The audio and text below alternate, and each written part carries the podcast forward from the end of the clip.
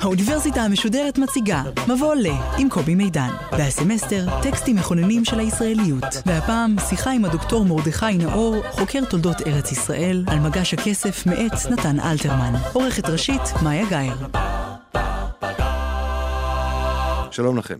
מעטים הטקסטים בספרות העברית בכלל, ובין שיריה בפרט, שזכו למעמד קנוני דומה לזה שזכה לו השיר מגש הכסף של נתן אלתרמן, שעומד במרכז השיחה שלנו היום. זה אולי מפתיע, אבל השיר, שממש נדמה שהוא נכתב בסיום המלחמה העקובה מדם ההיא, נכתב עוד לפני שפרצה. היו כבר מהומות, עדיין לא הייתה מלחמה. זהו באמת טקסט מכונן של ממש. שמו הופך מהר מאוד למטבע לשון מרכזית בכל הנוגע למאבק של התקומה ולמחיר שלו. במשך עשרות שנים הוא היה חלק בלתי נפרד מטקסי הזיכרון, הוא מקבע דימוי דומיננטי, הנער והנערה המתים החיים כמגש הכסף, הוא אפילו משמש יעד להתנגחויות, גם פוליטיות. על מגש הכסף נשוחח עם הדוקטור מרדכי נאור, סופר וחוקר תולדות ארץ ישראל, בעבר מרצה בכיר באוניברסיטת תל אביב, וגם מפקד גלי צה"ל, בסוגריים, האיש שקיבל אותי למקום הזה. אה, פרסם בין ספריו הרבים גם את הספר הטור השמיני. אה, ספר שעוקב אחר הטורים האקטואליים של נתן אלתרמן, ובודק את ההקשר ההיסטורי שלהם. שלום לדוקטור מרדכי נאור. שלום, שלום. הנה אה, ראשית השיר, אחר כך נקרא אותו בשלמותו. והארץ תשקוט, אין שמיים אודמת, תעמעם לאיתה על גבולות השנים. ואומה תעמוד קרועת לב אך נושמת, לקבל את הנס האחד אין שני. היא לטקס תיכון, היא תקום למול סהר, ועמדה טרם יום אותה חג ואימה. אז מנגד יצאו נערה ונער, ואט אט יצעדו הם אל מול האומה. מרדכי נאור, בוא נדבר על הרקע ההיסטורי של הכתיבה של השיר הזה. הייתי מציע שתדבר על השבועיים שקדמו לכתיבתו ופרסומו. אתה כבר הזכרת שהשיר הזה נכתב באופן מפתיע, לפחות לגבי רבים, שלא כך מבינים איך זה יכול להיות. השיר הזה נכתב בתחילת המלחמה. אה, וזה מתחיל לו ב-30 בנובמבר 1947, יום אחד אחרי ההחלטה של האו"ם, וזה מחמיר ומסלים מיום ליום, ממש מיום ליום, והמשורר עומד מול ההסלמה הזאת, והייתי אומר שהוא זקוק לאיזה סוג של הסבר לעצמו מה לעשות ואיך להגיב. וצריכים להזכיר שאלתרמן, נתן אלתרמן, הוא לא רק אה, משורר ולא רק מתרגם, אלא הוא גם עיתונאי, ויש לו טור קבוע בעיתון, אז בעיתון דבר, בשם הטור השביעי, וצריך כל שבוע, ביום חמישי בעשר בלילה, להביא שיר. אבל הסיטואציה כנראה מכה אותו. כי אני, אני בדקתי מה קרה מבחינת האבדות, למשל, באותם שבועיים וחצי. מ-30 בנובמבר עד אה, נאמר אה, אמצע דצמבר, והתברר לי שהייתה כבר ממש מלחמה. היו כבר עד אז, במשך נאמר 20 יום, פלוס מינוס, 120 הרוגים.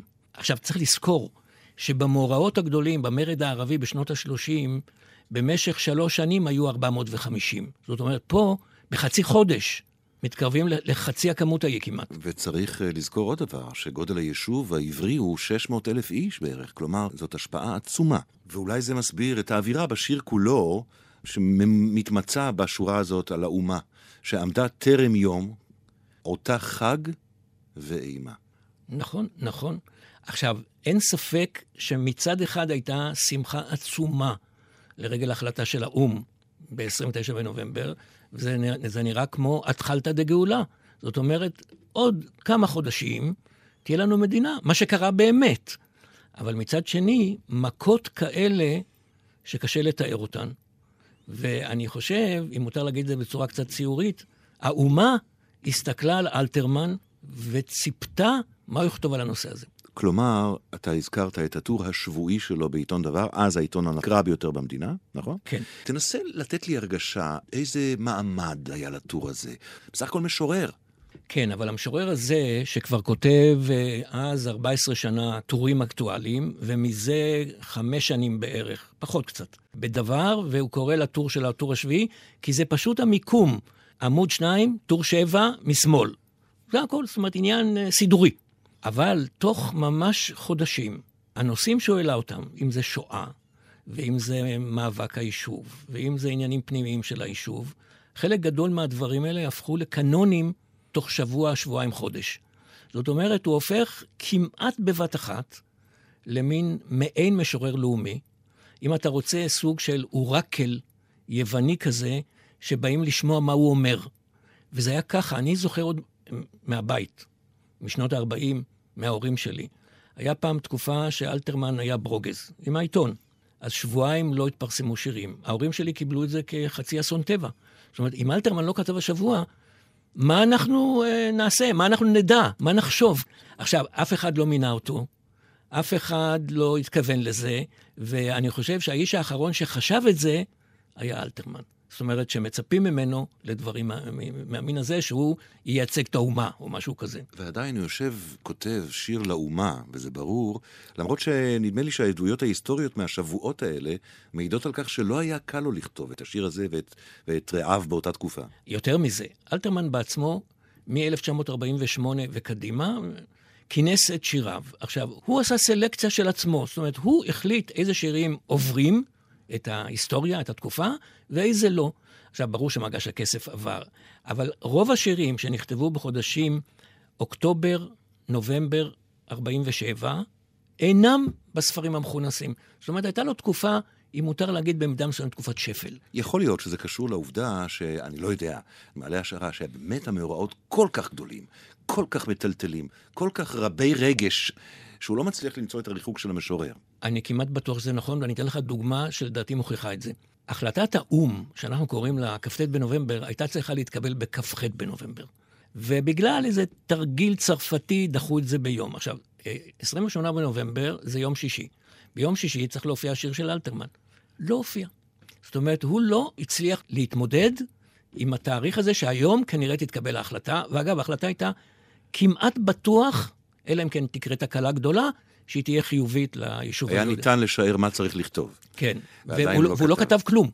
ובשבוע אחרי זה הוא כתב שיר, אם מותר להגיד, חלש, כבר על ההחלטה. ואחר כך הוא הפסיק, עוד שבוע אחד הוא לא כתב, ואז הגיע השוס ב-19 בדצמבר. ורק נזכיר, אה, מדובר בטקסט שמופיע בטור בעיתון, ואנשים מחכים לטור הזה אפילו יותר מאשר מחכים לטור רגיל של אלתרמן. אני זוכר, אה, קראתי באיזשהו מקום שאפילו היו אנשים שהולכים לדוכני העיתונים מוקדם בבוקר כדי לקרוא את, את הטור עוד לפני שזה מגיע לבתים. אז אני, אני רק רוצה לחזק אותך. בימים ההם, שלא היה כל כך הרבה אמצעי תקשורת, בבית דבר בתל אביב, בחוף שינקין, היה ויטרינה. בוויטרינה שמו בשלוש בבוקר את העיתון, פרסו את כל העמודים. היו ביום שישי מגיעים עשרות אנשים לקרוא ראשונים את הטור הזה, כדי שהם יוכלו, א', לספר לעצמם, ב', לספר לאחרים מה אלתרמן כתב. הנה מה שהם קראו באותו יום שישי, 19 בדצמבר, מגש הכסף. נקרא את הטקסט כולו ונמשיך לדבר על פנימיותו. והארץ תשקוט, אין שמיים אודמת תעמעם לאיתה על גבולות השנים. ואומה תעמוד, קרועת לב אך נושמת. לקבל את הנס האחד אין שני. היא לטקס תיכון, היא תקום למול סהר, ועמדה טרם יום אותה חג ואימה. אז מנגד יצאו נערה ונער, ואט אט יצעדו הם אל מול האומה. לובשי חול וחגור, וכבדי נעליים, בנתיב יעלו הם הלוך והחרש. לא החליפו בגדם, לא מחו עוד במים את עקבות יום הפרך וליל קו האש. עייפים עד בלי קץ, נזירים ממרגוע, ונוטפים טללי נעורים עבריים, דום השניים ייגשו, ועמדו לבלי נוע, ואין אות אם חיים הם, או אם ירויים. אז תשאל האומה, שטופת דמע וקסם, ואמרה, מי אתם? והשניים שוקטים. יענו לה, אנחנו מגש הכסף, שעליו לך ניתנה מדינת היהודים. כך יאמרו, ונפלו לרגלה עוטפי צל, והשאר יסופר בתולדות ישראל. שוב, זו תחילת המלחמה. והוא מדבר על בחור ובחורה, נער ונערה, אז קודם כל גם נערה יש כאן, גם לוחמת, ודבר שני, הם הולכים אל מותם. זה השיר שהוא בוחר לפנות בו אל הקהילה שמצפה לדבריו. זה שיר נבואי. זאת אומרת, המשורר כאן התגלה כנביא. קודם כל, בתחילת המלחמה הוא כותב על סופה. ב', הוא הרשה לעצמו לכתוב על, על הנופלים. הנופלים עדיין, אנחנו רק בתחילת המלחמה, אנחנו יודעים שנפלו ששת אלפים מבני היישוב, מהם ארבעת אלפים צעירים. זה מחיר נורא. ואלתרמן כותב על זה כבר מראש. זאת אומרת, הוא ראה בעיני רוחו בעצם את כל התהליך. ואני חושב שבזה זה גדולת המשורר, ובמידה רבה גם גדולת השיר הזה. כלומר, לכתוב בתחילת המלחמה על המחיר הנורא, זה באמת מהלך כמעט חסר תקדים. אבל צריך לשים לב שהוא עושה כאן עוד משהו. הוא עושה מיתולוגיזציה, מיתיזציה של השניים האלה. אין להם שמות, אין להם פנים, הם מתים חיים, לא ברור אם הם בגבול שבין החיים למוות. כלומר, המיתולוגיזציה הזאת אולי גם אמורה להכין את העם לקורבנות הצפויים. תראה, העובדה שהוא משתמש, נדמה לי פעמיים או שלוש פעמים במילה האומה. זאת אומרת, הוא הפך את זה לעניין סופר-לאומי. זאת אומרת, זה לא שני אנשים שנפלו או יפלו, אלא כל האומה צופה בהם, ואחר כך גם השאר יסופר בתולדות ישראל. זאת אומרת, הוא הפך את זה מיד משיר מקומי לשיר על-זמני בכלל. אני בטוח שבאותו זמן לא כך הבינו את זה, אבל תוך שבוע, שבועיים, חודש, חודשיים, זה הופך לשיר לאומי ממש. אני יכול לספר לך על עצמי, שאני גמרתי ללמוד בכיתה ח', בשנת תש"ח, באופן ברור לגמרי, השיר האחד שהקריאו בטקס היה מגש הכסף. אני חושב על זה, הרי גם אני גדלתי על השיר הזה, דורות שלמים גדלו על השיר הזה, ונדבר עוד מעט על ההתקבלות שלו, על המעמד היוצא דופן שהוא, שהוא רכש לו, גם יחסית לאלתרמן.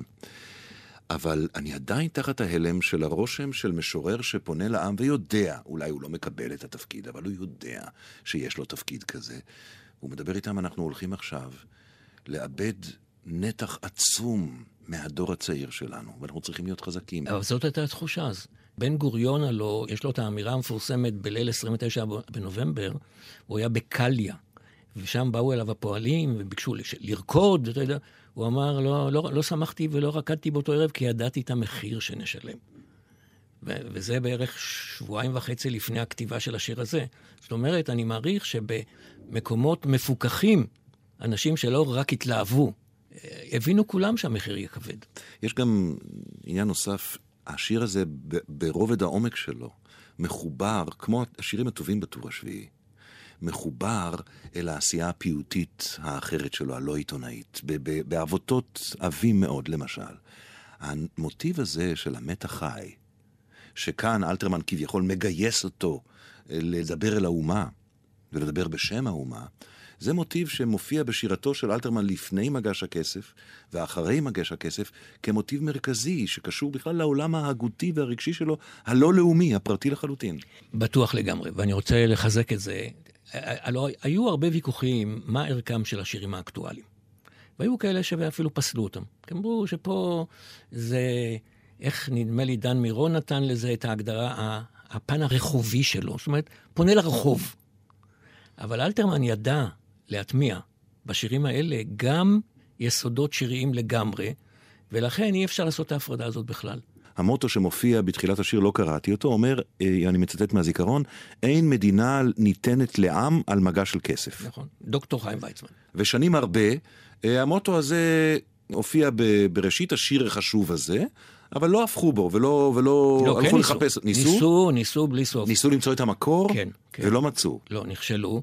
אה, אני הגעתי לזה בשנת 91, לא הייתי בארץ, הייתי בזה מסע שליחות בארצות הברית, וחזרתי הנה והתברר שהייתה מסיבת עיתונאים לרגל הופעת אטלס קרטל לתולדות ההגנה, והם רצו להכניס את המוטו הזה, והם לא הכניסו, כי הם אמרו, אנחנו לא בטוחים עלו, כי לא יודעים מאיפה הוא לקח את זה.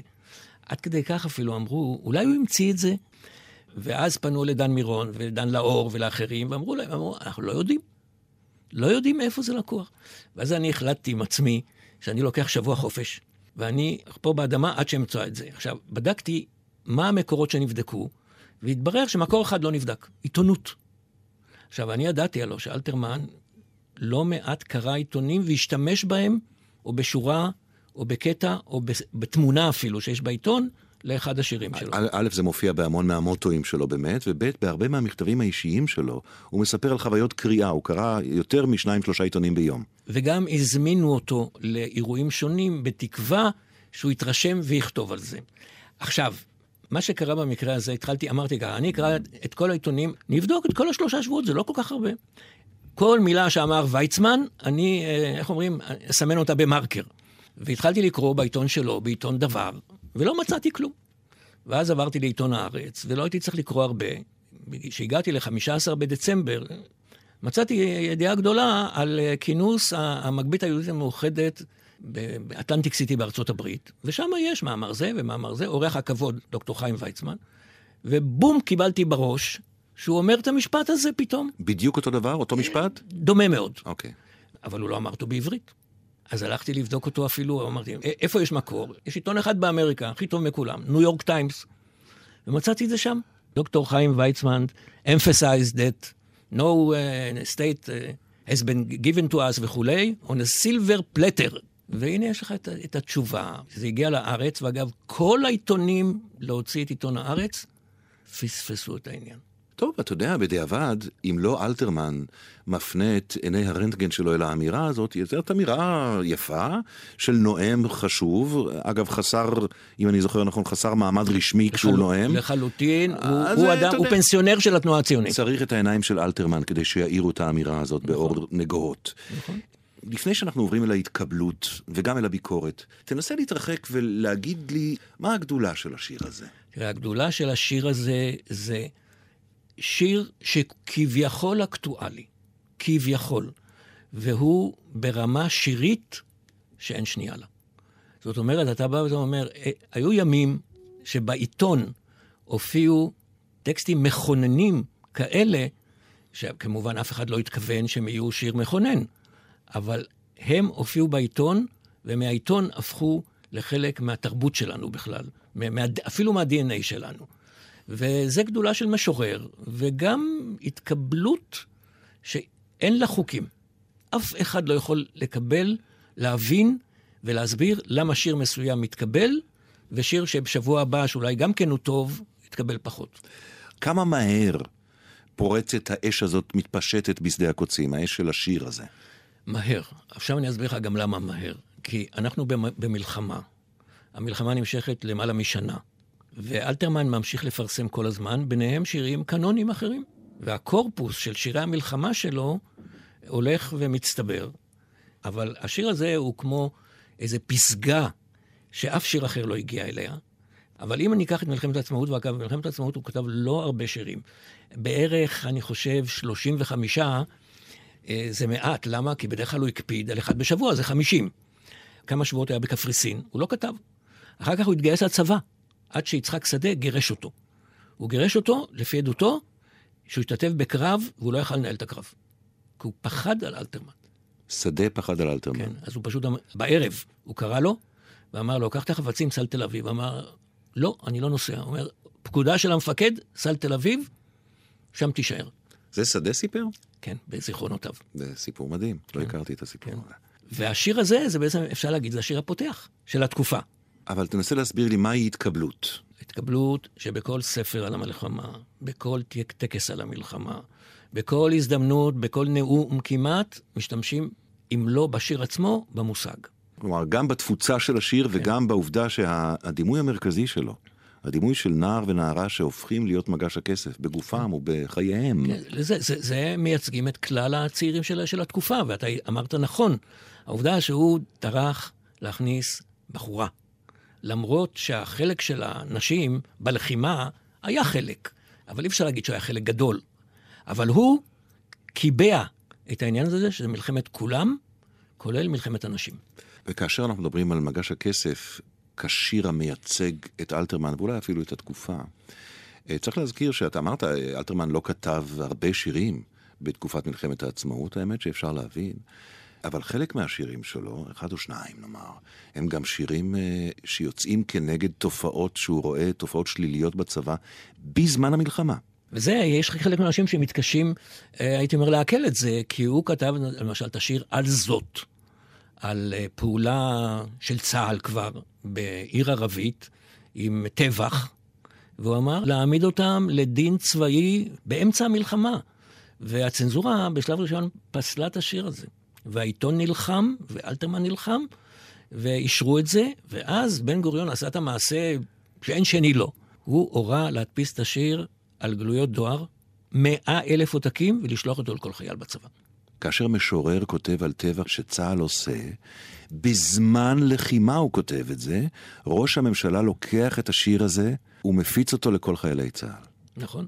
מעבר להתקבלות, אנחנו מדברים על טקסטים מכוננים. אתה יכול לנסות, ככל שניתן, לשרטט את הקווים שבהם הטקסט הזה והתפיסה שלו, של קורבן, של אומה, של היסטוריה, של מוות, מכוננת את התודעה הישראלית הצעירה, משפיעה על התפיסה של הקהילה פה? תרשה לי לצטט כאן את דן מירון. קטע מדן מירון, ו- ונדמה לי שהוא עונה על זה. דן מירון כתב פעם, עד היום, זה תקופת אחרי שנים, למרות כל חילופי הטעמים בשירה ושינוי הנורמות בתרבות, עומד שיר זה במרכזה של המודעות העצמית הישראלית. אם קיים מיתוס ישראלי כולל, הרי התמונה עומדת במרכז השיר, הנערה והנער הצועדים לאיתם לעבר דמות האומה כדי להגיש לה על גופם, הוא מגש הכסף, את נס המדינה, ואחר כך נופלים מהם עוטפי צל. לרגליה עדיין היא תמונת היסוד של מיתוס זה. אם קיימת זהות ישראלית, הרי ככל שהיא מתפתחת ומשתנה, שיר זה עדיין הוא ניסוחה הברור והרלוונטי ביותר. וכאן אני צריך להגיד משהו. יש מילה אחת שצריכים לא לשכוח אותה, המילה נס. לכאורה, מדובר פה באיזה, באיזה נס שבעצם יקרה לנו, הלוא, הוא כותב את זה בלשון עתיד בעצם, אבל זה גם דגל לאומי.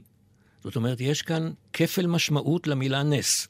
וכאן, אם אתה רוצה, יש לך את, ה, את הנבואה הזאת, את ההפניה, גם לנופלים וגם לנס שהתרחש וגם לנס שהם הניפו. אתה הזכרת וציטטת את אה, דן מירון, באמת אה, מגדולי החוקרים של, אה, של אלתרמן, לצד דן לאור ואחרים. אבל גם דן מירון עצמו וגם חוקרים אחרים, שיוצאים כנגד השיר הזה. וטוענים שיש כאן אולי השימוש המתוחכם ביותר של אלתרמן במעמדו, כי אם תרצה, אה, משורר חצר או משורר הממסד, כדי לגייס את העם, כדי שהעם יהיה מוכן לשלם את המחיר. שיש כאן משהו שמדלג על המחיר האישי והופך אותו למחיר לאומי. לא מקובל, ואני אסביר לך למה. אני חושב שאלתרמן היה האיש האחרון שראה את עצמו כנציג האומה, כמשורר חצר או בכל דבר אחר, הוא כתב את מה שהוא הרגיש. והוא הרגיש אז באותה תקופה שהוא צריך לכתוב את זה, והוא לא גייס, והוא לא שום דבר בעיני עצמו, ואם היית אומר לו, היית, היית חוטף סטירת לחי ממנו, פחות או יותר. זאת אומרת, זה, אם אתה רוצה, במידה מסוימת, אם אפשר להגיד כך, תחושת העם. זאת אומרת, הוא ביטא אותה, ובלי שאף אחד ביקש ממנו. ואני בטוח באלף אחוזים שבן גוריון, או מישהו מטעמו, או מהמטכ"ל, או משהו כזה, לא אמר לאלתרמן, השבוע, בבקשה, אה, תכתוב שיר כזה. כן, אתה יודע, יכול להיות שזה, החוויה שלו לא הייתה מגויסת. הוא כתב את באמת מה שהוא מרגיש ומה שהוא חושב, אבל ההוויה שלו הייתה כזאת. כן, אתה צריך אבל לזכור שאנחנו נמצאים, זה לא חלל ריק. אנחנו נמצאים אחרי השואה, ואחרי שלוש שנים של מאבק קשה מאוד נגד האנגלים, שעוד מעט ייגמר. זאת אומרת, זה עוד לא ברור לגמרי מה יקרה, אבל הוא בעיני הנץ שלו, או בעיני החוזה, ראה כבר דברים אחרים. והוא למעשה הטמיע את התחושות שלו לתוך השירים, ופה זה יצא לו בצורה הכי מזוקקת בשיר הזה.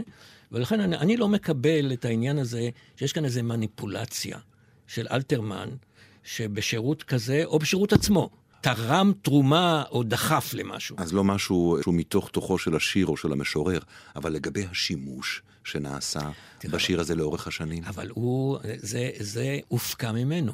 ברור, אנחנו לא מדברים על אלתרמן עכשיו, אני מדבר על השימוש שנעשה בשיר הזה במגש הכסף במשך השנים כ- כטקסט לאומי. אז uh, תראה, מה שהעירו הירשפלד ואחרים, שבאמת, uh, אם מותר להגיד ככה, הגזימו עם השנים.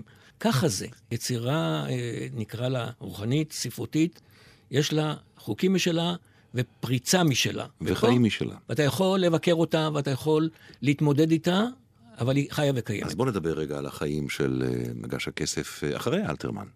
מכיוון שהשיר הופך לסמל כל כך uh, מהותי, מכיוון שהאומה משתמשת בו לצרכיה, הבל יגונו, אם אני יכול לומר כך, גם ממרחק השנים, אז הוא גם משמש כלי להתייחסות, כאשר רוצים לתמוך, או לתקוף, או לבקר. הוא משמש מושא לפרפרזות, לפרודיות, גם הביטוי עצמו. אה, נדמה לי שאלמגור, דן אלמגור היה הראשון שכתב מין פרפרזה, פרודיה, אחרי מלחמת יום הכיפורים, שעוסקת במגש הכסף. עמוס עוז, ב-82, כותב אה, אה, מגש הכסף נגד בגין. נכון. תראה, אני חושב שהשיר באיזשהו מקום, אפילו אפשר להגיד, גדל על ממדיו. זה, זה הפך לכל כך מיתולוגיה, שהשתמשו בו כבר בכל דבר, אה, לפעמים יותר מדי, וחלק מהאנשים, זה קודם כל נמאס להם באיזשהו מקום. אני חושב שהיום, עם השנים, זה במידה רבה חזר, אם מותר להגיד, לגודלו הטבעי במלחמת העצמאות. זאת אומרת שאפשר לראות אותו כשיר המייצג את מלחמת העצמאות. אבל כמו שאמרת, על השיר חיים משלו. נכון, נכון. נדמה לי שהדוגמה אה, הבולטת ביותר מהתקופה האחרונה היא דווקא סדרה דוקומנטרית שרצתה לעסוק או להנכיח או לטפל בשחיתויות שלטוניות כלכליות, בפגמיו של המערך השלטוני הכלכלי בארץ, ונקראה מגש הכסף. נכון, עכשיו אני רוצה לספר לך, במחקר שלי אז, לפני די הרבה שנים כבר, אני אה, הלכתי לנסות לחפש אצל, ה, אצל העמים, האם יש שימוש לזה, וזה, השימוש היה מעט מאוד. בביטוי הזה, מגש כן, הכסף. ו- ומצאתי בספר של גרישם, שאחד אומר לשני, תשמע, אתה תחדור לחברה ותביא לנו את החברה על מגש של כסף. אבל האמת היא שמבחינת הזיקוק של העניין, והייתי מגדיר אותו ההגדרה הלאומית, זה רק אצלנו. במקומות אחרים אין דבר כזה. אז עד כאן השיחה שלנו על uh, מגש הכסף, השיר הגדול הזה, תרתי משמע, של uh, נתן אלתרמן, מפתיחתה של מלחמת העצמאות. דוקטור מרדכי נאור, תודה רבה לך. תודה לך, שלום.